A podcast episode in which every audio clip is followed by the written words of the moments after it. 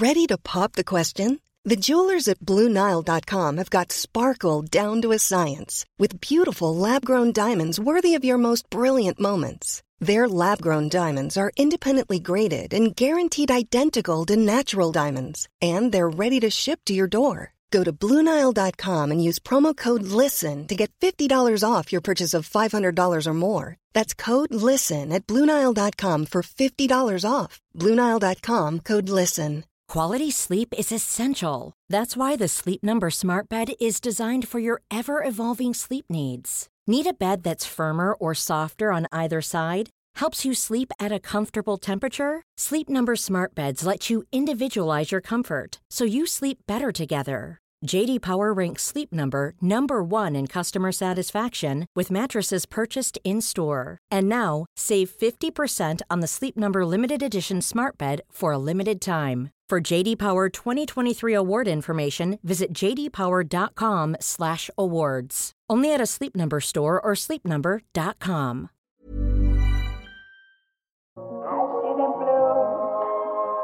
about me and you. I think to myself, what a wonderful world.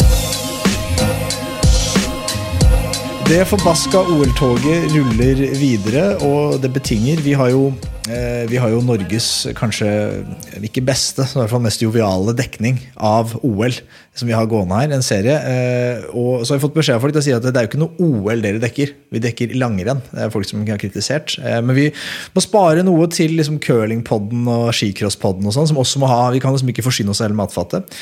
Men eh, det har jo skjedd masse i de siste dagene, og, og lagkapteinen her i podden, Øystein, han er ute med Jeg vet ikke hva han er ute med, et eller annet. Men jeg har fått med meg Eh, mange vil si at vi har toppa laget, eh, og det har jeg klart å gjøre med deg, Niklas. Du, vår gamle venn. Du er jo med oss. Det er en glede. Velkommen tilbake. Og så, og så har vi klart å hente inn en joker. Et skikkelig realt S i det beryktede ermet som vi har bare fletta fram. Vi har en mann i Beijing. Vi har prøvd, vi har kjempa med nebb og klør få tak i noen i Beijing som gidder å prate. Vi har kommet oss gjennom den kinesiske muren, og vi har fått tak i deg, Jostein Winnerui. Velkommen til Ja. Gode dager. Takk for det. Hæ? Hyggelig. Kan være sånn uh, Beijing-korrespondent der. Kjersti Strømme er vel NRK sin utsendte, så kan jeg være, være, være for andre. Ja, men vi, vi, det er ikke så mange vi har spurt. Altså, du, vi, det, det hørtes ut som at vi har vært igjennom alle. Det var sånn ingen som svarte, men så kom vi til slutt til deg. Det er ikke sant. Det er vi har sniperskutt eh, deg og fått deg med, og det er en ære. Eh, bare sånn kort da, til de som ikke kjenner så godt til deg, så er du Sånn jeg har forstått det. Jeg kjenner jo ikke deg så godt selv, men jeg har skjønt Nei. at du er eh, landslagstrener for de britiske eh, herrene. Eh, altså Andy, Andrew Musgrave, Andrew Young, eh, Clugnut. Eh, her begynner jeg allerede å være på tynn is på navn, Ja, men er- den gjengen er tre av tre, det. Så det er bra, bra start. ja, er bra. men, men aller først, da, når vi, for det er en ting som veldig mange lurer på, meg selv inkludert. Eh, det er eh, hvordan funker ting nede i Beijing? Og Hvis vi tar, går liksom til det, liksom det, det langrennspraktiske, da, løypene der nede. Er, hvor harde er de sammenligna med det man ser i World Cup? Hvor, eller hvordan er de? Eh, Ja, det, det har jo vært mye prat om det, egentlig. da. Så det er jo en sånn ting som Det har kanskje kommet litt bedre fram egentlig hvor harde eller hvor harde ikke er å føre og slike ting, om det var flere eh, vanlige skieksperter, slik som Niklas og Fredrik Aukland NRK-gjengen der hadde vært ned og gått litt i løypene. da, for at eh, det har skjedd veldig mye, altså Det var veldig kaldt og trått i starten, men etter skiatlon for guttene eh, så har det egentlig vært veldig bra føre. Det er raskt, okay. fine forhold. eh, mye, altså Helt annet føre i dag for eksempel, enn det var på, på skiatlonen. Løypene de er noe for seg selv, det er jo krevende. Det er, det er på løypa vi hadde i dag, så var det nesten 300 høydemeter på 7,5 km. Det er jo helt i øvre grense. Uh, Femmila kommer til å ha like mange høydemeter som femmila i Holmenkollen, som er en av de hardeste totalt sett. Eh, sånn at eh, det er ganske tøft. Og så I tillegg så er jo Høgda spiller inn. Jeg var jo måtte jo arrestere Niklas litt på Twitter der, for han meldte at det var 1800 meter her, men det er jo ikke det, da. Det er bare 1650. Nei, da, men det skal sies at han godeste Per Angel som la opp den, la opp den smash Ja. Ja, ja, ja. Nei, ja, men det, det, var litt slik i starten. Liksom, vi, vi, visste ikke helt vi gikk der, hvor høyt det er egentlig. Hvor mye sånn, det er løypen er på 1800 meter, og det er så høyt og sånn og sånn. Og, eh, og det er jo høyt, selvfølgelig. Det, det, stadion er på 1650, og høyeste punkt i løypa er 1720. og det, det brenner for alle, det. Og det viser jo løpet så langt at eh, løpsdisponering er alfa og omega for å lykkes, uansett om det er fellesstart eller om det er jaktstart kombinert, som så på Gråbakk. Uh, og, og, og, han Geiger der, det er ikke så bra, så ja. Så jeg kan si det såpass om løypene så langt, da. Men du, der har jeg et lite spørsmål. Eh, unnskyld at jeg avbryter, altså, men, ja, men vi har jo, det har vært mye løp i mellomhøyde i løpet av Altså, det er det jo hvert år. Men nå er det jo mm. kanskje 100 meter høyere, eller, eller egentlig på samme, samme høgde som vi har konkurrert i Val Musteir, da, som kanskje er det høyeste vi har, ja. vi har konkurrert i World Cup. Eh, mm. men, men, jeg syns vi ser mye større mye større sprekker, eller mye større ja. kalle differanser, enn, enn, vi har gjort eh, i Davos og Lensride og sånn. Så hva du tror er grunnen til det? det? det? overrasker meg at det skal være så store forskjeller. Akkurat sånn som du sier med han Rydsek som taper et halvminutt på fem millimeter. Eller ja. eh, Paul i dag, eh, ja. som taper ett minutt siste tre-fire kilometerne. Ja. Hva tror du er grunnen? Nei, det som, nei, jeg tror eh, Vi prata mye om det her med her nede. Hovedårsaken tror jeg det er om en sammenligning i med Valmersteir og Davos og de løypene som en kjenner godt. Da, så er det jo lagt opp en helt annen måte her at en har utrolig lite hvile. Altså Nedoverbakkene er korte, og hvis det er nedoverbakke, så er det ganske bratt og så er det litt svingete. Sånn at du mister veldig mange høydemeter fort, og så er det på en måte ned til start igjen. Slik som den eh, Langbakken som vi så på skiatlon, eh, eh, den siste lange bakken, da, for eksempel, der er det omtrent nesten alle høydemeterne i hele løypa i ett jafs. Mm. Der, da. Sånn at det, er mye mer at en må gå lenge og kontinuerlig uten å få noen pauser. Er pausen en får er såpass korte. da. Davos vet du hvordan det er. ikke sant? På 15 skate der, så guttene har det er ja, grovt sett åtteminuttsdrag opp til toppen, og så er det å snu og triskøyting og hockey ned igjen i seks minutter, og så er det, og så er det på natt. ikke sant? Og da Eh, da rekker du å hente det igjen. Du kommer kanskje i et tog, det er fem kilometers runder. I dag var det sju og en. De fleste måtte gjøre løpet helt alene. Mm. mm. Det tror jeg er viktigste forskjellen. Ja, for det er ganske interessant. Det er ganske interessant å se mm. at det er så stor forskjell. Eh, ja, kan det også kan det også forklares med ski her, da? For det er sånn, i hvert fall jeg og Øystein har litt om det. Øystein mener jo at eh, det kan være det ikke stemmer, da, men hans uh, hypotese er at det er så tørr snø og så trått føre at uh, derfor er finnene gode. Da. Han mener at historisk og de har som en god kompetanse, for det er den snø de kjenner fra Finland. Spesielt de klassiske. Ja, dag, ja. Etter skiatlonen så er det ikke for guttene så er det ikke vært så trå og tørr snø. da. Men uh, så er den feste voksen som man er på i dag, f.eks., er ganske blaut. da ganske mjukt, mm. som, som, blir bruka. Uh, men, men, Finland hadde kanonski i dag òg, Jeg sto sekunderte da det var etter uh, ca.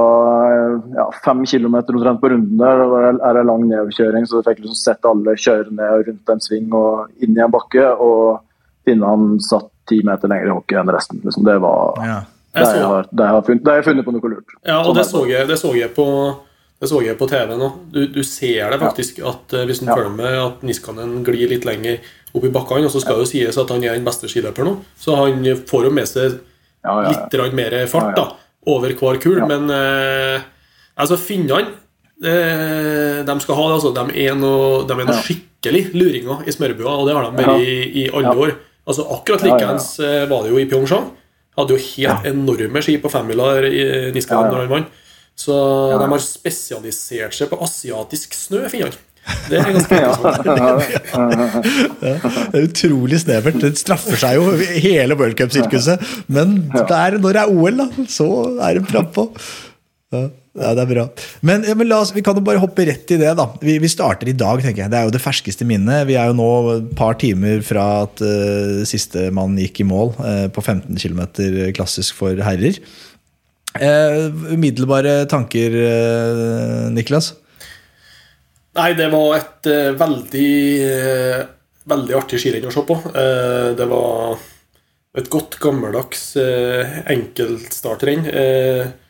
og den sterkeste vant, rett og slett. Og det verden Jeg skrev det på Twitter, men jeg tror aldri jeg har sett bedre skigåing i klassisk enn det Ivo Niskanen viser. Og jeg føler faktisk at han har tatt enda, enda et steg i, i, ja, i teknisk, da. Og han jo, har jo vært det store forbildet for for, eh, for, oss andre eh, mens jeg var aktiv òg. Eh, så ekstremt imponerende og, og fortjent gull. Han er verdens beste skiløper i klassisk. Det har han jo vist tidligere i sesongen her og vunnet de to enkeltstartrenna Nei, han vant jo i Ruka. Og så, mm. Ja, han vant vel i Lensride òg, og da var det Bolsjunov 2. Mm. Så han har jo vunnet, vunnet de begge rennene. Så fullt fortjent seier. Og så er jo egentlig veldig oppskriftsmessig at det skulle bli en duell mellom han og Bolsjuno. Eh, de har jo, har jo de to-tre siste åra vært de to beste, men jeg må, må, si at jeg er jo veldig imponert over Johannes. da. Jeg tror den bronsen han tar i dag, den tror jeg smaker som gull for han fordi det er gjort i en enkeltstart og på egen hånd. Mm. Mm. Det er unektelig. Jostein? Ja, nei, det er samme. Jeg tenker litt på det. Altså det Niskan og Bolsjuna var klare favoritter i dag, én og to. Det var vel egentlig gitt at jeg skulle stå mellom der, men uh, jeg hadde en knapp egentlig mest på Pål, egentlig. Jeg tenkte kanskje han var en god kandidat til bronse i dag. Uh, jeg er veldig imponert over Johannes, det han gjør i dag. Det må bare si. Han viser at han er et unikum, rett og slett. Det, å reise seg slik, spesielt etter den trimila, for den Jeg kan ikke skjønne at det svei litt. Jeg tror ikke, tror ikke ja, skal i hvert fall ha stor respekt for den snuoperasjonen han har gjort etter det. Og sprinten må vi tenke på. Ja, altså, han gikk jo den sprinten her om dagen. bare, det var jo bare tre dager siden, og det, han fikk ikke den gratis heller. altså. Den, han måtte jobbe både i semifinalen og finalen der mer enn det vi har sett tidligere i World Cup. Så, så, så det Nei, det er sterkt, rett og slett. Kjempeimponert. Nå må vi snakke litt om måten han gjorde det på, mener jeg. da. For dette, eh, her, jeg, dette er noe du i hvert fall, Niklas, og sikkert du og Jostein kan kjenne dere mye mer igjen i. og Dere har gått i løypene selv. Jeg ser for meg Hvis jeg hadde gått OL, så hadde jeg hatt altså høye skuldre. og skulle, og det, det, det altså, det å være så kald da, Jeg vet ikke hvor gammel Johannes Kleiborg er, han er i midten av 20-åra. Sånn. Han jo, må jo ha hodet til en gammel gammel pensjonist, da, i hvert fall oppe i 70-åra. For han er også være så kald, da, så mye rutine, at han, at han tillater seg å tape nesten 30 sekunder. var det ikke det? Altså, I første passering. og så, For han veit han bare det er planen, og står i den. Eh, det mener jeg i hvert fall det står respekt av. Ja, ja det, det, det er så vanskelig, da å gjennomføre. Kan, det er veldig lett å sitte og si her at, eh, at man skal åpne veldig rolig. Og, eh, men å klart å holde igjen med, med 30 sekunder, 25-30 sekunder, ja. som det var, det er altså så utrolig vanskelig. Og så eh, Det viser jo en mental styrke av rang, og, og sjøltillit, som han fikk etter, eh, etter sprinten, nå, eh, som, som var viktig så må jeg jo ærlig innrømme at jeg sjøl òg tenkte at det her er for mye å gi fra seg. Mm. Men han, eh, han har disponert på en helt utrolig måte, og der vil jeg si da, at eh, etter OL i Pyeongchang så starta jo, mens jeg var på landslaget ennå, et, et prosjekt med, som, med, tanke på pacing. Akkurat, ja. akkurat med tanke på det her OL-et som skulle gå i høyden. Og det var Der har vi der har vi gått en del testløp eh, på høy høyde, bl.a. i Fontromø. Og i år så gikk de jo i Lavassé på sommeren. Der, der, du går med GPS og rett og slett lærer det å gå mm. eh, jevne, jevne, runder og, og, ja, rett og slett får erfaring som jeg tror, de, som jeg tror Johannes eh, rett og slett tar en bronsemedalje på i dag. Jeg tror ikke han har tatt en bronsemedalje her i dag hvis han ikke har vært veldig eh, Hvis en ikke har den kunnskapen som han har tilegna seg gjennom, gjennom, det prosjektet. Mm. Altså, mener jeg i tillegg, Det som jeg syns er ekstra imponerende med han, da, det er, det er jo, han er jo først og fremst sprinter ikke sant, sånn i utgangspunktet. vet alle, Han er hauges med, med, raske muskelfibre, og vi vet jo at uh, sprint, altså det er utrolig vanskelig for deg å åpne sakte. For det har så mye fart i kroppen. Eh, når du ser andre sprintere som åpner i dag, f.eks. Jo, da, ikke sant? som er liksom en, en helt annen skala. Og han er, har, har jo gått kanonmange bra, egentlig ganske bra 15 km klassiske i år, så han hadde helt sikre ambisjoner. Han har vært topp 15 og nesten, tror nesten han var nærheten av topp 10 i Ruka. Ikke sant? Sånn at eh, Han òg er steingod, men, men han greide jo bare ikke å holde igjen. det det, det, det syns jeg er ekstra imponerende med Johannes. da. Ja, og det, det, det mener jeg har mye med mental Det har mye med mental styrke å gjøre. Altså, Lar man det stå til litt for mye i dag, da vet man jo altså Innerst inne, det, det mener jeg har litt med Det er litt sånn nerver å gjøre. Eller for Sjo sin del, Ja, ja. kanskje, at han, Ja, ja. at han rett og slett er forbanna for at han ble slått ut i en semifinale der han Mm. eh, på, på, på, på ti, da, egentlig, der han der han kunne Der jeg tror han har kjempa Eller jeg, jeg tror han har tatt medalje hvis han har vært i en finalen. Eh, så jeg er Han har vært på pallen i nesten alle sprinter i år. Ja, han har det. Eh, I klassisk skøyting. ja, ja. Og så er det jo ekstremt skuffende sikkert for han, men eh, Ja, ja, ja. åpner jo for, åpner for hardt eh, på et sånn løp som, eh, som i dag, i, på 1650-1700 meters høyde, så eh, dæven, da, da tar du en meget stor risiko. Ser du på Pål òg. Overvurderte seg sjøl litt, han òg. Og, og får, eh, og får svi skikkelig utover. Da. Og det imponerer meg òg, ekstremt med Ivo. Eh, vanvittig sterk Ja, ja. åpning, men klarer å Ja, ja. holde likevel. Altså, Ja, ja. Genetikken til Niskanens eh, på høyde, det er jo de, Jeg lurer på om de er i slekt med en Krüger. Jeg lurer på det. Men du er inne på det Vi må snakke om de andre norske òg. Min mening i hvert fall i dag er at man ser et litt annet norsk lag enn man så på, på eh, duatlon. Spørsmålet er om det er ski eller hva det er. Men jeg mener det er jo godkjent i margen på alle gutta som eh, kom til start der. Og jeg mener sånn som med Paul Golberg, det er jo lett å si når han sprakk at liksom, noe er gærent. Men han gikk for det, da. Og det er liksom at man, Han går for å vinne medalje, han går ikke for å komme på femteplass. Eh, HC er jo så nærme igjen. Eh, liksom, synd. Eh, Han, er jo, han også er jo, viser jo at han er i bra slag, og han legger opp løpet jævlig bra. Valnes blir kanskje for tung i, og, i den høyden her, eller hva, hva tenker dere? Nei, eh, vanskelig å si, da. Eh, vanskelig å si om han blir Jeg tror ikke han blir for tung. Det tror ikke jeg, men det- han, eh, han Jeg tror ikke han er i, i sin beste form. Det tror ikke jeg. Han gikk ikke Han var ikke lik seg sjøl på sprinten eh, på, for noen dager høyden? Mm? Eller er det, han, er det høyden, eller er det at han ikke har klart å pike toppe form og spisse form? Vanskelig å si. Veldig vanskelig å si. Eh, men jeg tror ikke han er i sin beste form.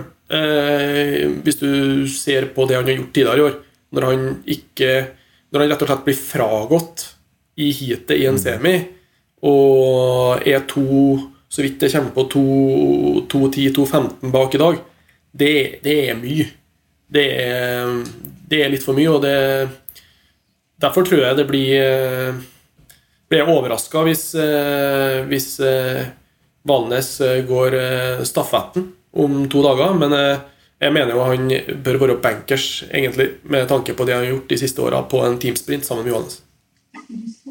Det blir spennende, spennende å se um, på han. Jeg tenker nok at eh, Jeg prata litt med han, en som heter Vegard Karlstrøm, som er som trener for Island. Han hadde jo Erik på, på skigymnaset i Nordreisa, så han kjenner han veldig godt. og, og, og trener og holdt med han, og han sa hadde den løypa vært i låglandet, så, så hadde det vært perfekt for han. Så det er nok litt eh, Kall det med høgde, og, og ser nok kapasiteten på de som er topp ti der. Eh, rent O2-messig så er det snittet ganske høyt i dag, tror jeg. For å si det sånn. Det, er ikke, det var ikke rom nødvendigvis for, eh, for de som eh, er rundt 80 og gode til å stake, bare. Nei, det er jeg enig i, men så, så har du sånne som Johannes, da, som uh, kaller Ja. uh, klarer å gjøre det likevel. Han eller er jo ikke den som har høyest O2, men han, har bare, han er bare verdens beste er, skiløper. Han er et unikum. Ja, rett og slett. Rett og slett. Ja, men, men han, det er, Der er det vel litt knockout på taktikk òg? At, eh, at han eh, legger opp løpet altså, det er, eh, sånn jeg hører det dere sier, da, så kan det godt være at noen hadde, andre hadde hatt bedre sjanse på å ta den bronsen, hadde de hatt uh, hodet til Johannes i dag? Ja, det tror jeg. Jeg tror noen russere her også som åpner, åpner hardt nok, da. Og Og så kan du jo si at eh, det blir jo bare spekulering, da, men, eh, men eh, jeg tror nok Paul åpna, åpna litt for hardt, da, for hans del, med tanke på å med tanke på å få best mulig resultat. Det så jo veldig lovende ut midtveis der. Da trodde jeg han virkelig skulle gjøre det store. Men det er utfordrende. altså det, det, det, er så vanskelig å treffe med den åpningsfarta. Og det, og det kan du si både HC og, og, og Johannes ga jo fra seg et halvminutt der etter en to-tre kilometer. Jeg fikk jo mye sånn bekymrende meldinger fra folk som uh, følger med på ski, men som ikke kan kjempemye. Som, mm. som Hva er det her for noe? Men uh, da er det rett og slett den pacing-strategien pacing som, som er lagt sammen med Olympiatoppen, som, uh, som viser seg å være smart da at de blir nummer tre og fire. Er det det samme som Johaug refererte til her i går? Den, det, samme, det er samme opplegget? Ja. Det er samme opplegget. Jan Kobak. Ja en eh, skikkelig guru innenfor, eh, innenfor eh, GPS-teknologi. Og, og ja, en forsker da, som har vært med oss mye på samling. Men hun var jo med oss, har jo vært med oss før OL i Pyeongchang òg. Vært med oss i mange år, men da var det jo et annet prosjekt som var, var frem, frem, mot det OL-et. Og så har det vært pacing nå pga. høyden det, som har vært i fokus nå. What a wonderful jeg, jeg, husker ikke helt hvor vi slapp. Ja, vi, vi, snakker jo om uh, 50 km her. Eh, det, det var litt Valnes-prat sist jeg hørte. Ja, Valnes, ja, men vi, vi landa ja. på at uh, vi kan jo diskutere laguttak for sprintstafett og stafett uh, kanskje etterpå. Men veldig kort før vi slipper herrene og 5 km, så gutta dine, Jostein. Uh, Mussy er jo en pod-favoritt. Andrew Young vi kjenner vi jo godt til. Kløgnet kjenner jeg ikke så godt, men han er jo sannsynligvis en favoritt. Eh, Man kan jo snakke om han, da. han gikk jo ikke i dag, så det er jo kanskje artigst å prate om han. Nei, det er slem her. Nei, de er jo gode på pod, da. Det er jo, de har meldt ja. før der, så det har jeg hørt.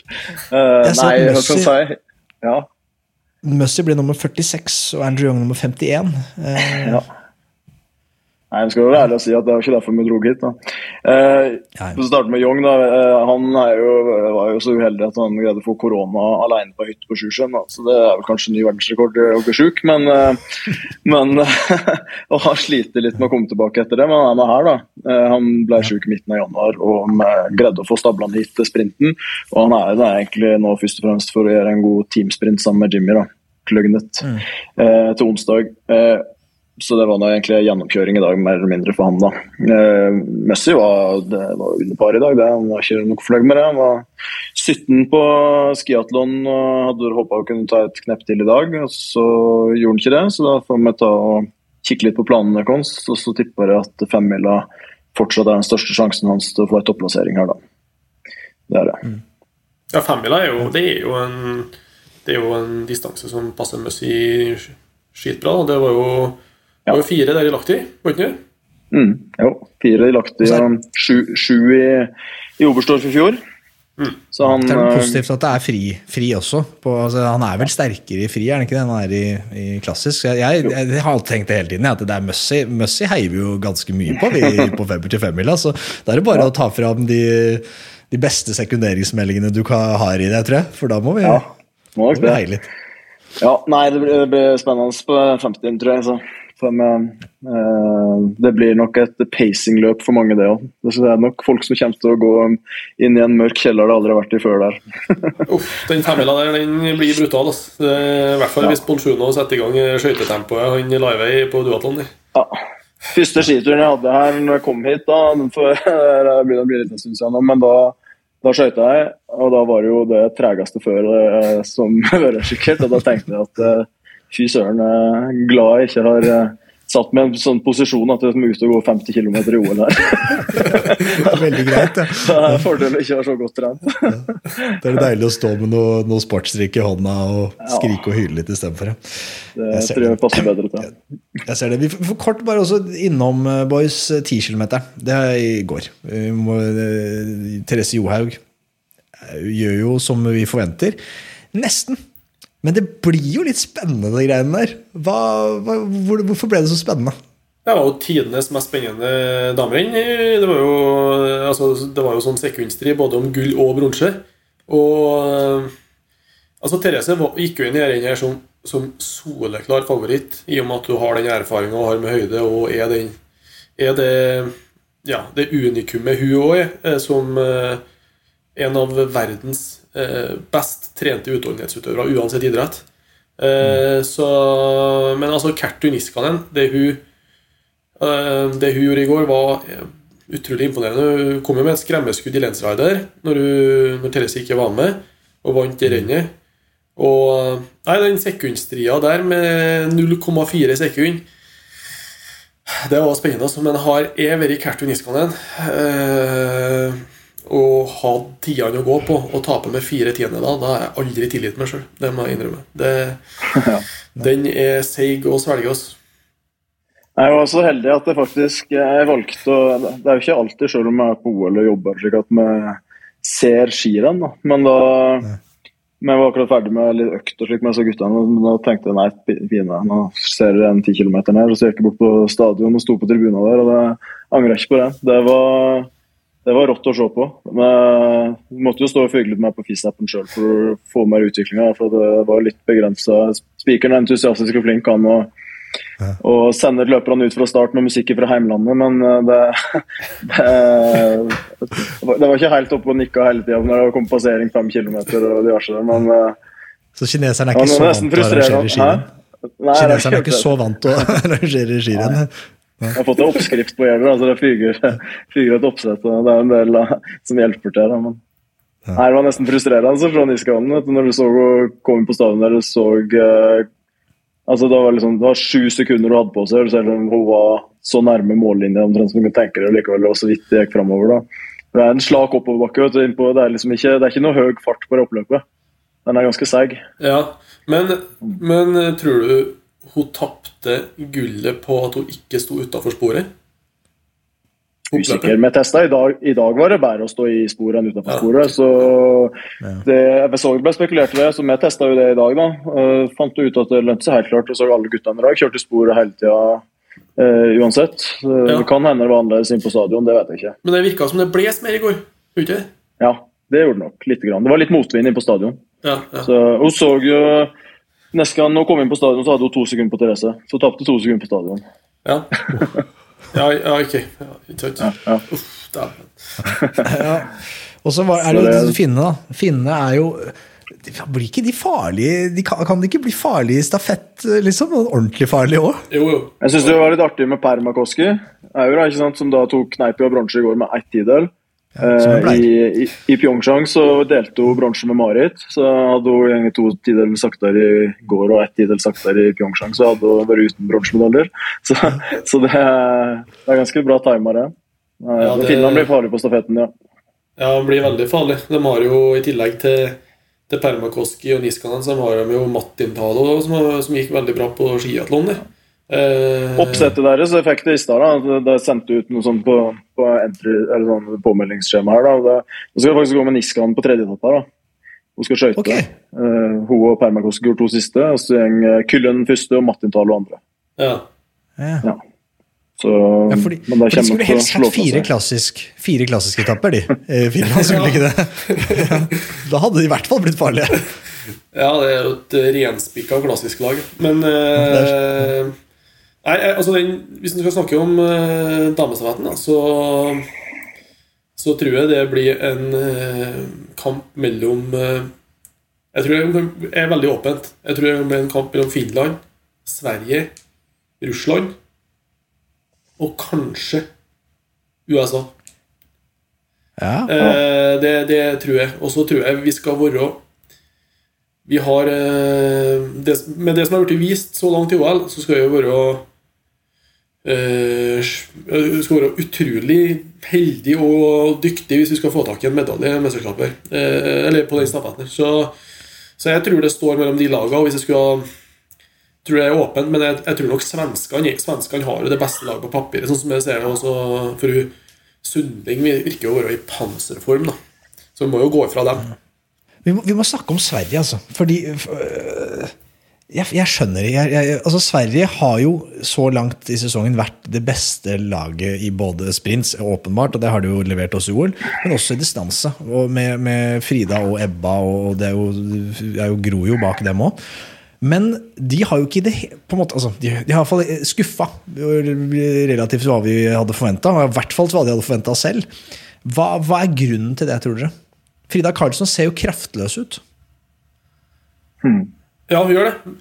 Nei, jeg tror jo grunn Altså, hun er, Det er jo genetikk, det vi har snakka om, høydetrening. Genetikk og erfaring og, eh, med å ha nok høydedøgn. Frida Karlsson er en ung utøver og har ikke noe gode resultat i, i høyde så langt. Og ja, det, vises, det viste seg det før jul i Davos og for så vidt Lemsteride òg. Og det viser seg, viser seg, igjen at hun, hun, klarer ikke å gå like fort som hun gjør i lavland. Så uh, hun prøver nå det hun kan og tar seg, tar seg fullstendig ut. Men uh, det går ikke fort nok, rett og slett. Så, så, men klart, hun er, en, hun er, jo en, veldig solid og god stafettløper på, på, på, et lag sånn som i morgen. Mm. Og svenskene har jo et veldig sterkt lag, da, i mine øyne, med Dahlqvist, eh, Andersson Frida og Sundling, så mener jeg jeg så. Ja. Det er det som blir laget, ja. Så Maja Dahlqvist skal gå første etappe. Ja. Så, ja, har de, har de gått ut med det? Sundling siste. Hmm? Mm. Ja, det, de har gått ut med laget? Ja, ja fær, Vi får tilsendt lagoppstillingene. Så, så det, før, før lagledermøtet. Så lagledermøtet er ferdig. Så det er det som blir oppsettet der. Ja, hva, er, er norske laget? Det har ikke jeg fått med meg. Det er Tiril på første etapp, Tiril uten sving, og så var det Therese på andre etappe, Fossholm tredje, Ragnhild Haga fjerde. Ja, så er Ragnhild Haga som skal De bare gambler på noe nytt, ja. Bare vi kjører Ragnhild ja. Haga på siste etappe. Håper ja. at det funker, liksom. Ja, ja ok. Jeg, jeg, jeg har hørt noen rykter om at de prøvde seg litt på Tiril Eckhoff. At de var og fridde litt der borte, i skiskytterleiren. Jeg tror det kolliderer med en jaktstart, ja. som de skal ha. de håpa vel at hun skulle skyte seg såpass bort at de tenkte at det var greier. Og, men eh, skal, nå har jo Olsbø og Røsland vunnet gull nettopp, og, og til Eckhoff gikk jo Det var jo greit resultat. Ja. Så, Nei, men det, det, norske laget er jo underdogs da, for første gang på utrolig mange år. Så fordelen må nå være det at eh, ja, damene må bare slippe ned skuldrene og og rett og slett, De har ikke noe å tape, det er jo bare å gi alt. Og så ja, får vi krysse fingrene og håpe på, på uh, en stor overraskelse. Taktikken er vel da, antar jeg. Mm. Ja, taktikken er vel at uh, Tiril Weng skal bare henge med uh, inn. Og helst veksle med, nei, med Therese i, i tet. Og så skal da må det bare remmer og tøy må bare forsøke å holde med, holde følge. Og så kan det være luka blir såpass at uh, altså har Fossholm en knalldag og Ragnhild Haga en knalldag, uh, så er det jo teoretisk mulig. ja, det er jo det. Men uh, nei, jeg tror det blir det er, Vi er avhengig av at Therese koster på noe og får et forsprang. da. Skal vi, skal, vi, skal vi ta medalje, tror jeg tror det er viktig at Det henger jo en sånn 2,5 km løype som er omtrent som den som kombinert gikk, hvis du så hele dagen. da. Mm. Så det er jo uh, mye opp i starten, og så er det bare å komme seg ned på stadion igjen og så ut av sto store deler av sprint, nei, sprintstarten, da, egentlig. Mm. Ja, ja. Den er ikke sånn veldig hard, egentlig, den, den runden der, da. Så det er ikke så lett for Therese å gå fra. Helt sikkert hun skal gå mot eh, så Ebba Andersson og Rosie Brennan og uh, Nepriajeva bl.a. Så det kommer til å bite seg fast, tenker jeg. Mm. Og så må vi snakke om herrestafetten, men aller først der så vil jeg snakke om, snakke om dramatikken som er på, i den norske leiren. Og Hvordan er den stemninga nede i Beijing, eh, Jostein? Eh, hva har du fått med deg av de greiene der? Emil Iversen melder jo fritt, er jo uredd han. NRK inn på rommet, vær så god. Eh, og, og det blir litt drama. Pål Golberg mener det er helt ukollegialt å gå ut og, og syte og klage nå. Han må syte og klage siden. Og men bare, bare, aller først det, da kan vi diskutere mer. Du kjenner jo Emil veldig godt, Niklas. Men eh, bare, hvordan er, har dere, har dere, snakkes det mye om hos dere andre lagene nede i Beijing?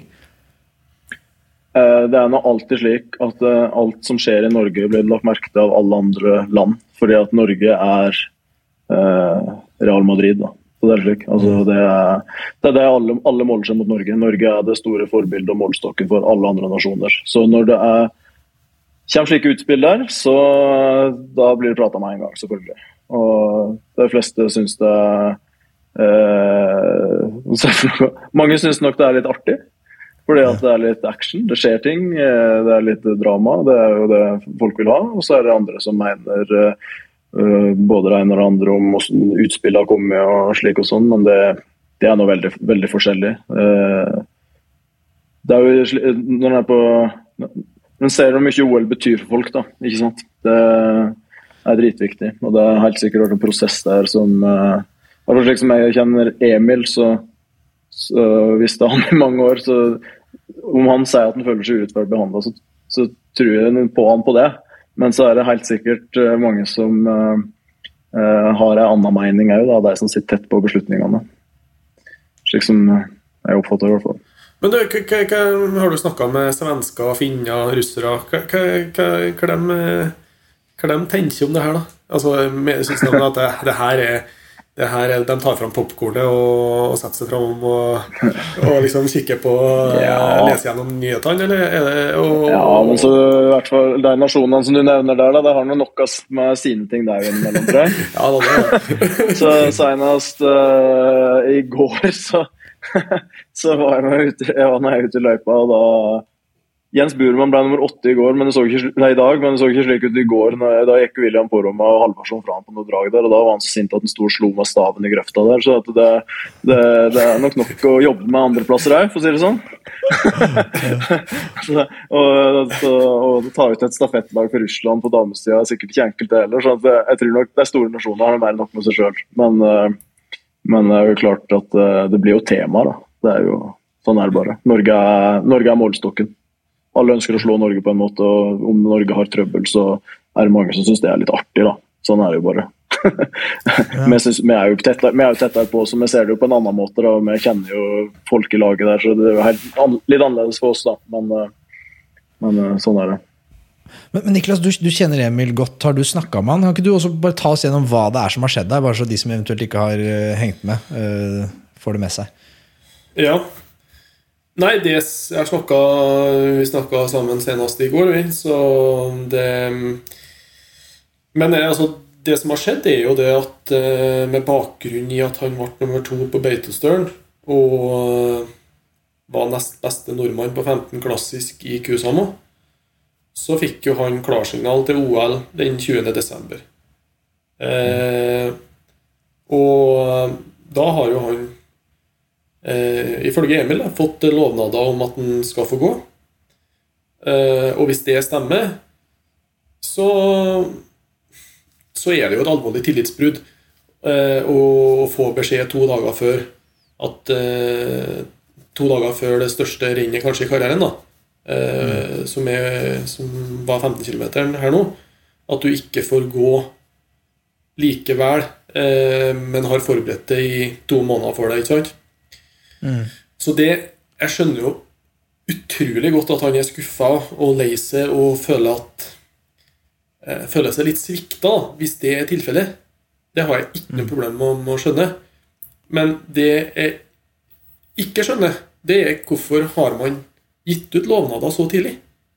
Hvorfor har man gitt ut lovnader om, om enkeltdistanser så tidlig?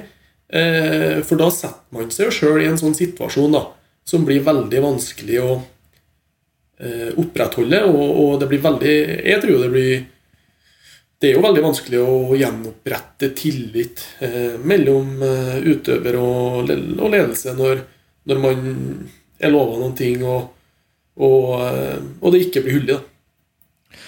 Er, Sundby er jo en uredd fyr. Han har jo på en måte vunnet nok til at han kan bare melde fritt. han. Eh, Og han er vel ute og sier at han tror at tillit her er det, Han legger jo litt skylda på Bjervik, da, virker det som. Han mener at eh, Nossum har kanskje lovet noe, og så ønsker Nossum å holde det. Så han tror jo at Nossum har liksom blitt overstyrt av Arild Monsen og Bjervik. Eh, og så har de gått og sagt at her, jeg driter i hva du har lovet, vi må ha dette laget til start. Og så da, sånn blir det. Er, det eh, Er dere enige, i Sundby?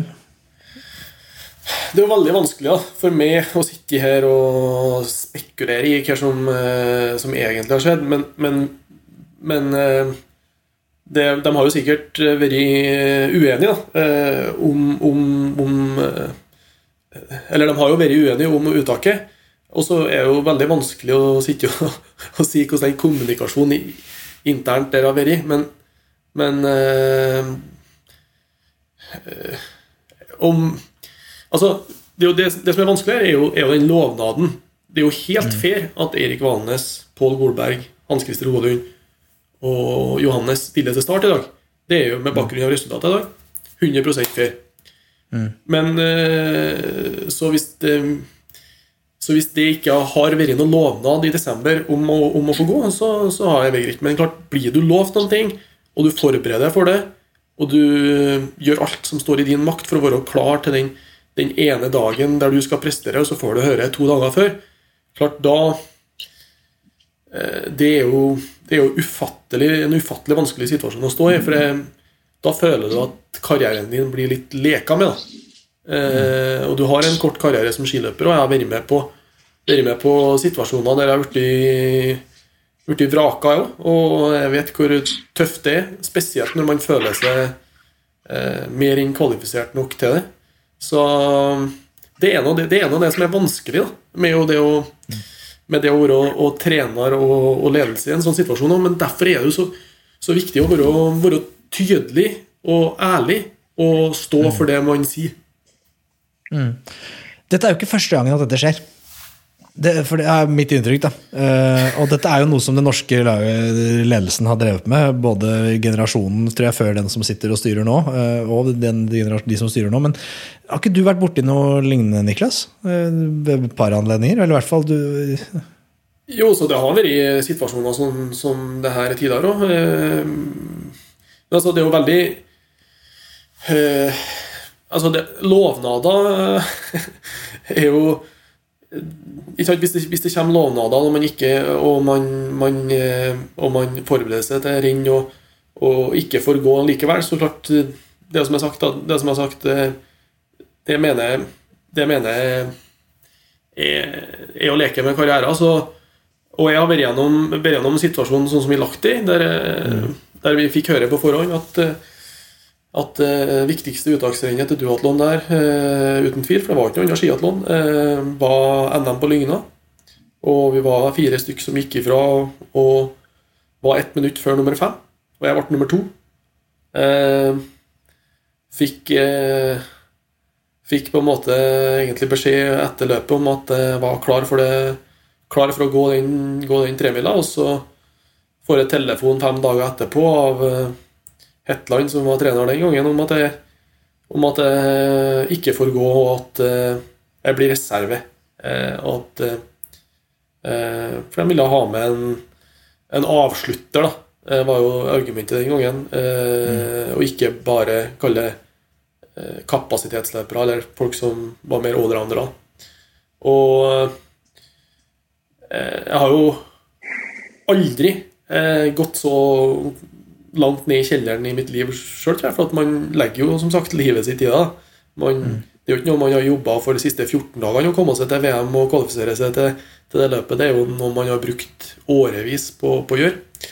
Så den følelsen med å Følelsen av å bli urettferdig behandla eh, i en eh, uttaksprosess, det, det, det, er nok det, noe av det tyngste du kan oppleve som, eh, som idrettsutøver. Mm. Men dette her blir jo jeg føler det er liksom symptomelt for hele innkjøringa til OL for det norske laget. Da. Det er uro. Det er covid, det er sant, reise, hvor skal vi reise hvorfra, vi kommer litt seint ned. Eh, og så kommer dette på toppen. Da. Og Pål Golberg var jo ute og, og sikta litt til det. Da. Han mente jo at eller, altså, Han er jo litt forsiktig, alle er jo det i det du mener, men jeg tror når du går såpass hardt ut at du snakker med media, så betyr det at du mener dette ganske sterkt.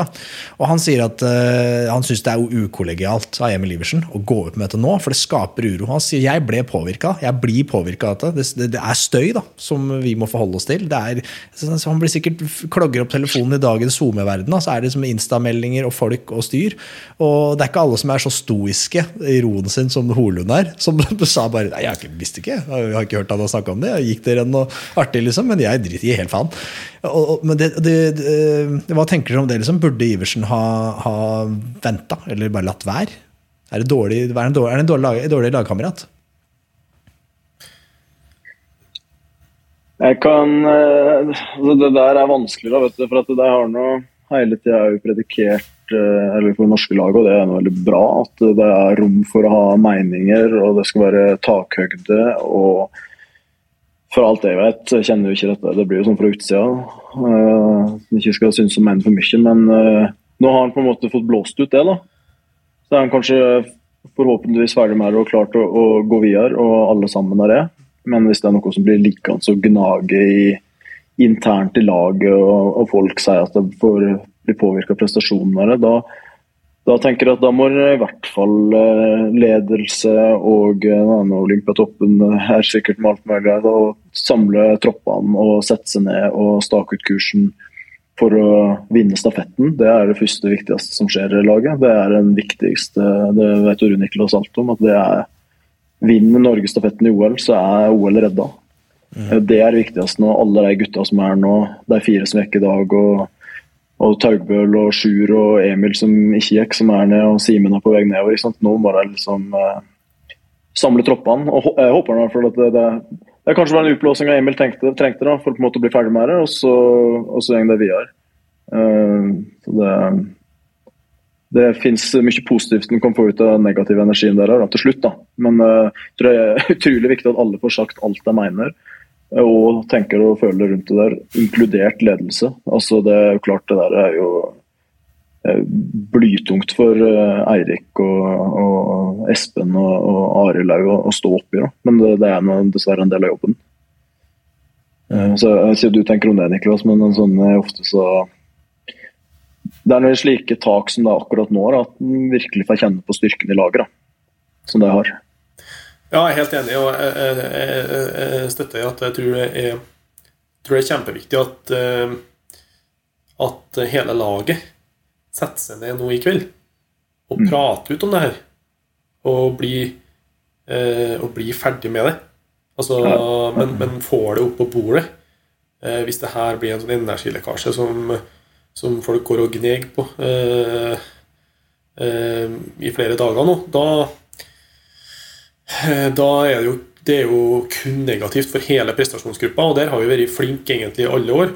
Eh, og du kan si det var veldig mye uro i eh, Pyeongchang òg, eh, angående uttak, men da, da var vi veldig eh, rause med hverandre, vil jeg si, og, og rett og slett holdt det holdt et lokk over det til vi var ferdig med mesterskapet, selv om det var veldig vanskelig. Eh, så, men nå har, det jo kom, nå har det jo kommet ut i media, nå har det kommet på bordet. Så da tror jeg det er utrolig viktig at alle får sagt sitt. Eh, alle får komme med sin mening. Og rett og slett eh, sånn at, sånn at folk får diskutert det og, og ja, være ærlig med hverandre, sånn at man kan gå, kan gå videre. Og da kan det komme noe positivt ut av det. Det er jeg helt enig i. Da kan det komme noe veldig positivt ut av det. for Hvis det er sånn at det kommer, har kommet en lovnad så, eh, som ikke har blitt holdt, så har jeg full forståelse for at folk er forbanna for det. Men da må vi i hvert fall lære av det å ikke komme i den situasjonen her igjen. Og det, da, det, da, må vi få det opp på bordet. Og så tenker jeg slik at uh, må, En må jo da respektere internt i laget at uh, om det er på en måte det er lett å bruke Emil som eksempel. her, liksom, men er, Hvis det er en person da, som på en måte er, har et behov da, for å blåse ut litt media, så må han på en måte respektere det. Det er ikke en fasit på hvordan en skal oppføres i et lag. Alle er forskjellige, og da må en respektere det. Og så må òg da den som da har blåst ut, respektere at folk reagerer på det, uten at det blir uh, surmuling internt om det. Men det, det er jo en gyllen mulighet nå til å liksom si fader, nå blir vi ferdig med det. og Heller samle alle kluter og så, og så kline til mot stafetten. Ja, 100 enig. Mm. Og, og, når det er sagt, det var en, kanskje en fin overgang, da. men eh, når det er sagt, da, det er jo den, den stafetten og det ut, ut, stafettuttaket det kan jo føre til kan jo føre til mer diskusjoner. ikke sant? Så, så, så derfor tror jeg, tror, jeg, tror jeg, det er greit å, å, å få lufta, lufta, ting og ja, og prata, prata, om, eh, prata om, om, den prosessen her nå og bli ferdig med. Niklas, hvem, hvilke fire er det som går? Jeg er 100% sikker på to. Ja. og det er okay. Johannes skal gå siste etappen.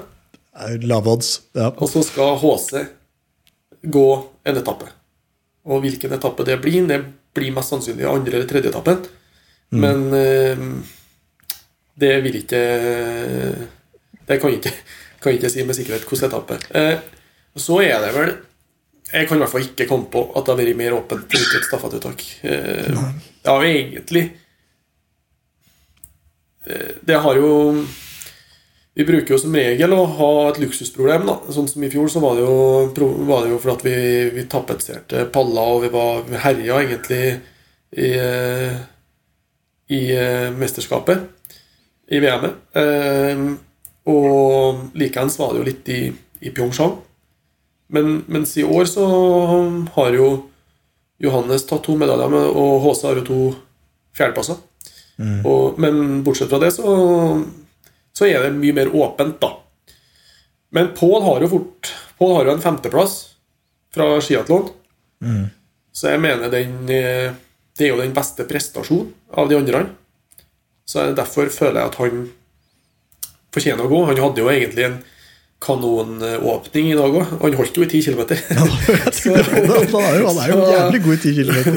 Så jeg tror, jeg tror Paul får gå en klassisk etappe. Eh, og så tror jeg, jeg tror jeg Emil får gå den andre klassiske etappen. Men, men hvordan, de, hvordan de setter opp det laget, jeg vet ikke. Eh, og, og egentlig, så, egentlig så har ikke nå, nå blir det Som regel så vet jeg litt mer enn jeg gjør nå, men uh, det her blir kun synsing. For at uh, jeg vet ikke hva de tenker rundt Sjur, f.eks., som gikk en veldig dårlig skiatlon. Utrolig skuffende, men han vant tross alt det siste verdenscuprennet, som var opp Monsterbakken. Men det skøyterennet før der, som var i Oberstdorf, så var han òg nummer tre. Så han er jo, en, eh, han er jo sikrere enn banken har vært i skate. Så er han Han kan jo være et, eh, et bra tredjeetappekort hvis HC går andreetappen. Og så lander jo Krüger i OL-landsbyen her om et døgn, da. Yes, så han er jo Ja, men han lander et døgn for sent, mener jeg, Jossi. Nei, altså, han lander altså akkurat nå da, ja, Normalt det som kommer med flyet fra Zürich, kommer hit, hit på, på lørdagskvelden. Så hvis det Ja, er men trua på at den kan gå, så er det bare å hive den inn. Ja, men det renner stafetten er vel søndag, ikke det? Jo, jo. Så han, han, han, fly, han flyr i dag, lander lørdag, og så kan han gå stafett søndag. Å, fy. Han er ikke han jækla god i høgden, da? ikke det du sier? Jo, det, det er altså, altså med, med- normale omstendigheter så har jeg villet gått for Krüger. Men med jet- jetlag og eh, 14 liter væske i føttene, så er det jo en risiko å ta. Nossum tar sjanser, han.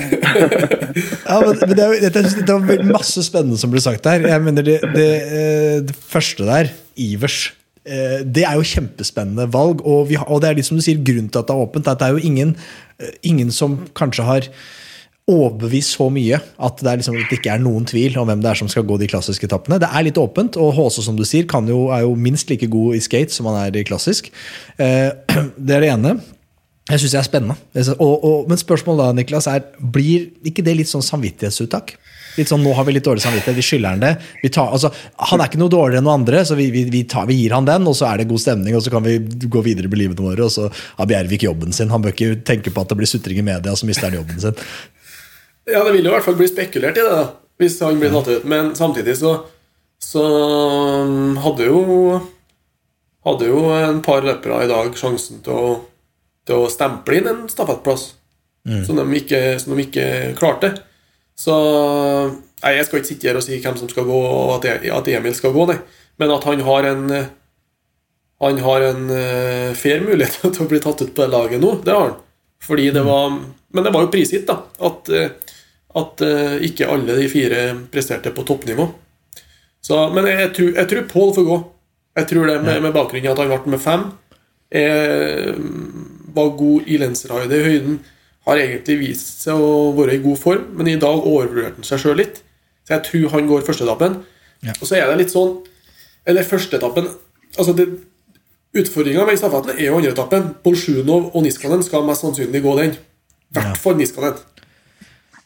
Og du sender ikke ut en som eh, som er som du er veldig et usikkert kort da, på andreetappen.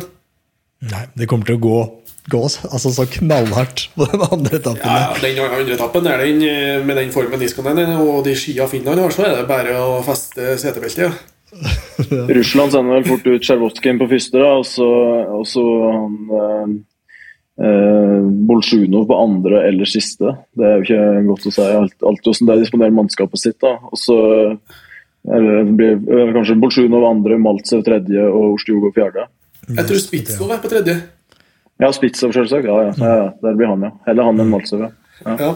Det er sterkt lag, det er nok, det. Ja, det, det, det laget der kødder du ikke med et millisekund, altså med tanke på hvor bra Sjarvotkin gjør det i dag også. Og Ustjugov Ja, ja. er jo kongen av alle løyper. Han er jo, den, han er jo øh, en av mine aller største favoritter. Så, så han, jeg, jeg tror han går siste etappe. Det burde de hvis de vet hva som er best for seg. Og det kan altså bli så spennende. Men du sa noe annet spennende. Det var med Røthe øh, og tredje etappe. Fordi jeg mister, vi har jo ikke sett Røthe skøyte i, i Beijing. Eh, og jeg mistenker litt at inn mot mesterskapet så var jo ikke han egentlig tror jeg, tiltenkt en rolle på det skiatlonlaget. Så jeg, jeg, du har kanskje snakka med ham, men jeg har, bare spekulert litt at kanskje Sjur har bare klassisk skia. Foi! Tar dem. Gidder ikke. Jeg skal skøyte, for det er den femmila som er min sjanse. Eventuelt en tredjeetappe. Jeg er litt uh, enig med deg til det. Altså. Uh, Sjur har jo gått eh, veldig mye gode skøyter inn i år, og han har vært stabiliteten sjøl. Det som overraska meg, er at han har vært så ufattelig mye dårligere klassisk. For det bruker ikke han å være. Han bruker å være kneppet dårligere. Men nå har han jo vært Han har rett og slett gått skikkelig dårlig klassisk, men veldig god skøyting eh, siste eh, en og en halv måned. Så jeg føler ikke det er noe usikkert kort å sende ut Sjur på en tredjeetappe. Altså. Han, han, han, han er jo tryggheten sjøl, egentlig, i, i skate. Så Han får til ti skater, han, tror jeg. ja, det tror jeg òg. Eh, og han og Spitzov, det er jo en liten, sånn, eh, liten lettvekterduell ja, som har vært artig å se. da. Det er, det er bra, den. Men eh, jeg tror ja, nei, men Vi har vel satt ut lag. da Det er Golberg på første, og så er det HC kanskje Iversen. Og så er det Sjur, kanskje HC, og så er det Klæbo på siste. Og Så får vi se da hva det, hva det blir. Men det laget der er jo altså sånn I en normalsituasjon så skal man faen meg passe seg litt for det laget der òg. Så hvilke andre utfordrere er det? Det er vel en stor utfordrer. Ja. Det er bare det. Ja, det er jo Norge Finland, Russland. liksom? Finland kan ikke Nei, kanskje bli, skal skøytes. Finland er kommer jo med bronselag. Hakkola, Nis, Niskan, uh, Hyvarin og Meki. Det kommer til å bli med lenger, det. Jeg tror eh, bronsen står mellom, mellom Finland, Sverige og Frankrike. Jeg tror Finland veksler til andre eller til tredje Eller andre veksling blir det vel, som nummer én. Jeg tror Niskan altså, banker altså så til på den stafetten, og brått med luke. Men eh, før vi gir oss vi er bare, det er jo, eh, Nå er jo stafetter i helga, eh, og så kommer disse sprintstafettene. Og vi får jo ikke se noe mer enn det vi har sett nå av folk eh, i klassisk Eller om vi får jo sett stafettene, kanskje, da, men stafett, sprintstafettlagene. Der skal jo ideelt sett også disse britene Jostein, ta oss og rase fra seg litt. Eh, Men hva tror du Ja, om Vi tok ut laget i fjor, da, så det er klart. det blir Jimmy skal gå første etappe, og Young skal gå andre. så den, den er grei. Lovnaden er gitt, og du holder ord? Ja, den er gitt, og den- kommer til å holde ord. Det norske sprintstafettlaget på herrer, da? Norske teamsprintlaget? Nei, jeg tror jo det blir Valnes og Jeg trodde det ble Valnes og Johannes, da. Jeg tror det. Jeg tror det? Ikke Pål og Johannes. Det er jo kapasitetsløype i sprinten her, og Valnes Ja, har ikke vist liksom det slaget der. Jeg hadde, og igjen, Valnes det er, det, Du er tøff i trynet hvis du ikke tar ut Valnes, med tanke på hva han har levert i sprint de siste to-tre åra. Eh, Men jeg tror jeg, hvis jeg hadde sittet der og vært Bjervik, eller hvem det er, jeg vet da hvem som beslutter, ja, det virker som at det er for andre som veit om, men da hadde jeg nok tatt eh, Golberg og Johannes Klæbo. Jeg skjønner hva du mener, men jeg tror det uttaket der kan man egentlig ikke ta før etter hovedstafetten. Nei. Fordi eh, det er litt sånn påheng da, hvordan folk viser seg, viser seg der òg. Så tror jeg det kan være øh, tror jeg kan være lurt å ha litt friske bein. òg. men eh, Det er jo mye skirenn. Mm. Eh, det, og Valnes har vært verdens desidert nest beste sprinter. Eh, og spesielt i klassisk de siste åra. Han har jo faktisk slått Johannes en, eh, eh, noen ganger. Så det beste laget vi har, har der, er jo Valnes og, og, og Klæbo, så jeg tror det blir det. Ja. Kvinner, da? Der blir det jo Therese og Maiken, da. Ja, det gjør det. Er det, det, er, det er så sikkert at det blir dem, de to, ikke Tiril og Therese? Nei, altså Nei, jeg, nei, jeg har ikke Men, jeg, men jeg, har, jeg skulle ha tatt ut lag, så har jeg tatt ut uh, Therese og Maiken. Hva tror du, Jussi? Eh, Nei, altså jeg syns helt klart at Therese bør gå. For at jeg tror teamsprinten har en større sjanse for det norske damelaget til å ta gull enn eh, vanlig stafett. Og da Hun kommer til å bite bra fra seg på tre ganger tre minutter to ganger her. Jeg skal, med tre minutters pause. Så jeg tror det er mange som skal slite med den siste runden. Eh, og den andreplassen den er ganske åpen, uh, men eh, nå har Tiril vært veldig stabil stort sett i sprint. da. Han har det. Uh, men klart Maiken meldte seg litt mer på her da, etter, eh, i den sprinten som var, var her oppe nå. Så det, det kan jo kanskje tyde på at det er Maiken det er satset litt på i og med at Tiril går, eh, går hovedstafetten. For jeg tror det tenker ganske eller virker som at jeg tenker litt på sparebein her og der. Da. For klart både Ragnhild, eh, Haga og Fossum kunne sikkert ha gått 10 km i går. da. Men eh, så lot jeg Myhrvold gå den for at de kunne spare seg til stafetten. Så, og det er lurt, det er høgda. Eh, tror jeg hadde gjort det samme. Prøve å porsjonere kreftene litt utover. For eh, de bruker litt tid på å hente seg inn etter skirennet, og da er det greit å ha friske bein, som du snakket om i stad. Ja. Og så tror jeg også enig. Og så, så det, med, det som er med Maiken, da Hun har en eh, Og det viste hun egentlig på, på den skøytesprinten nå, at hun Hun har jo en utrolig mesterskaps-CV. Ja, ja. Har jo, ja, har jo helt eh, vanvittige resultat. Får ja. egentlig Får kanskje litt, litt for lite kred for det. Eh, Altfor lite. Alt for lite. ja. Eh, og og um, overbeviser alltid når det gjelder, og er litt bedre i klassisk sprint enn i skøytesprint òg. I hvert fall mye mer stabil. Så jeg mener hun er jeg mener hun er dama å satse på, på den teamsprinten sammen med Therese. Altså. Hun er jo, hun er jo helt enorm vet du, når det kommer til mesterskap. Det vet du sikkert, eh, du, Niklas, i hvert fall. Men at det er jo i år er det første mesterskapet siden 2013 at hun ikke har tatt en medalje individuelt i mesterskap. Det er jo helt vanvittig. Det er helt sinnssykt. Får jeg for lite oppmerksomhet for det. Ja, det er helt klart. Ja, absolutt. Men hvordan skal de og Jeg er enig med det dere sier her. så Min tanke bak at kanskje tidligere burde ha gått, er at hun kanskje er litt sterkere i kapasitetsløpet. Men her er det jo egentlig bare hvem er best på intervalltrening. Da. Det er jo sikkert Maiken eh, like god på. Eh, Men hvordan skal de fordele etappene? Øystein hadde jo en litt sånn interessant tanke som jeg likte litt. Han sa det at eh, du må kjøre Therese på andre etappe. Fordi hun må slite ut de gode spurterne til de andre lagene så mye, og så må de prøve å få luke. Og så må Therese bare da, Hvis hun har nok luke til eh, Jonas Sundling, så er det jo mulig. Eventuelt i fall si at Jonas Sundling klarer hun ikke å ta, da, men hun klarer fall kanskje å få en bronsemedalje. eller noe sånt. da. Det er jo, eh, Olympisk medalje er jo uavhengig av valør, er jo ganske stilig. Ja, det har vært- det har vært veldig spennende og interessant å sitte. Men eh, jeg tviler vel egentlig på at det blir den lagoppstillinga. Men eh, det, har, gitt eh, TV-produktet en ny dimensjon. Det har det. Ja, men jeg, jeg, grunnen til jeg likte Jeg elsker sånn utafor boksen-strategi. for at Enten må du gå for å altså Det å vinne medalje her kommer til å bli jævlig vanskelig uansett. da, ikke sant? Så det er, så, sånn sett er det, eh, Og da må du liksom Du må tenkes Du må eh, liksom rasle så mye i systemet her at du setter ut de andre. At de blir helt sånn For det normale å gjøre, sånn, det alle forventer at alle gjør, er at de har sin beste spurter til slutt, og så har de en litt bedre, sterkere kapasitetsutøver på første etappe, og så blir de jevne lag, og så går man. Men hvis plutselig Norge kommer her og klarer at Maiken klarer å bare henge med, og aller helst da så, er så rask at hun kan veksle med Therese i tet, så Therese slipper, hun kan, er jo dårligere enn meg i felt, ikke sant? så hun kan, da kan hun bare gå fra tet og bare klinke til og få luke. Og så må man bare prøve om Maiken må prøve å tape minst mulig da, hver gang hun går. Og så kan det der greiene brått bli gull, vet du. Jo, men tror ikke at det kan bli gull hvis eh, Therese går først. da? Altså, Den sjette treminutteren der, når Therese har fått trykka til Ja. så skal Maja. Dahlqvist eh, få, eh, få litt lagt av til fotene, altså. Ja, det tror jeg. Så eh, hvis Maiken blir sendt ut i tet, eh, og kanskje med gått litt, eh, fått litt billigere racer for at eh, Therese har gått gode etapper, så, så kan, det, kan det gå. Men eh, nei, jeg tror, tror Therese går først og Maiken andre. Jeg tror det er det beste lagoppsettet, selv om det har vært veldig spennende TV å sette eh, Therese på den siste etappen. Ja, det er bra.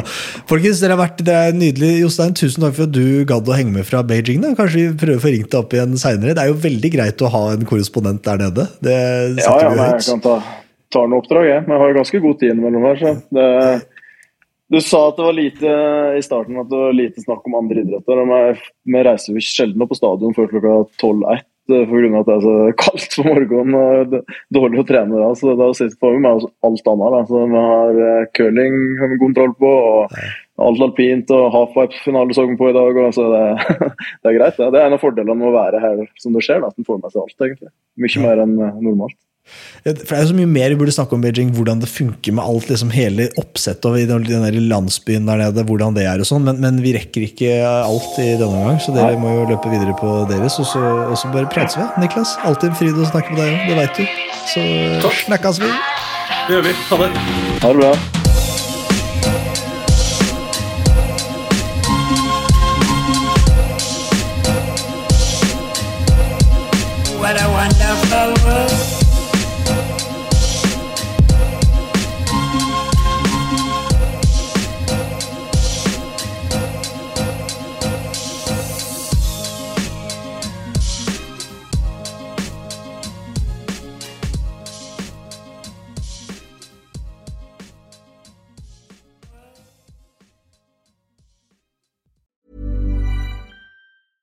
Hey, it's Paige DeSorbo from Giggly Squad. High quality fashion without the price tag. Say hello to Quince.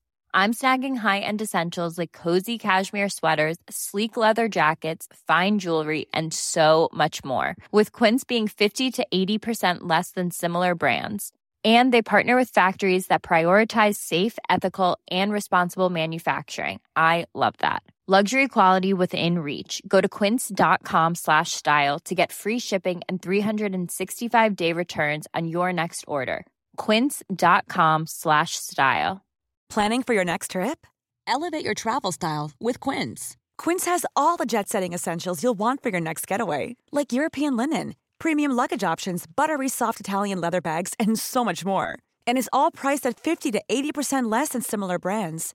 Plus, Quince only works with factories that use safe and ethical manufacturing practices. Pack your bags with high-quality essentials you'll be wearing for vacations to come with Quince. Go to quince.com/pack for free shipping and 365-day returns.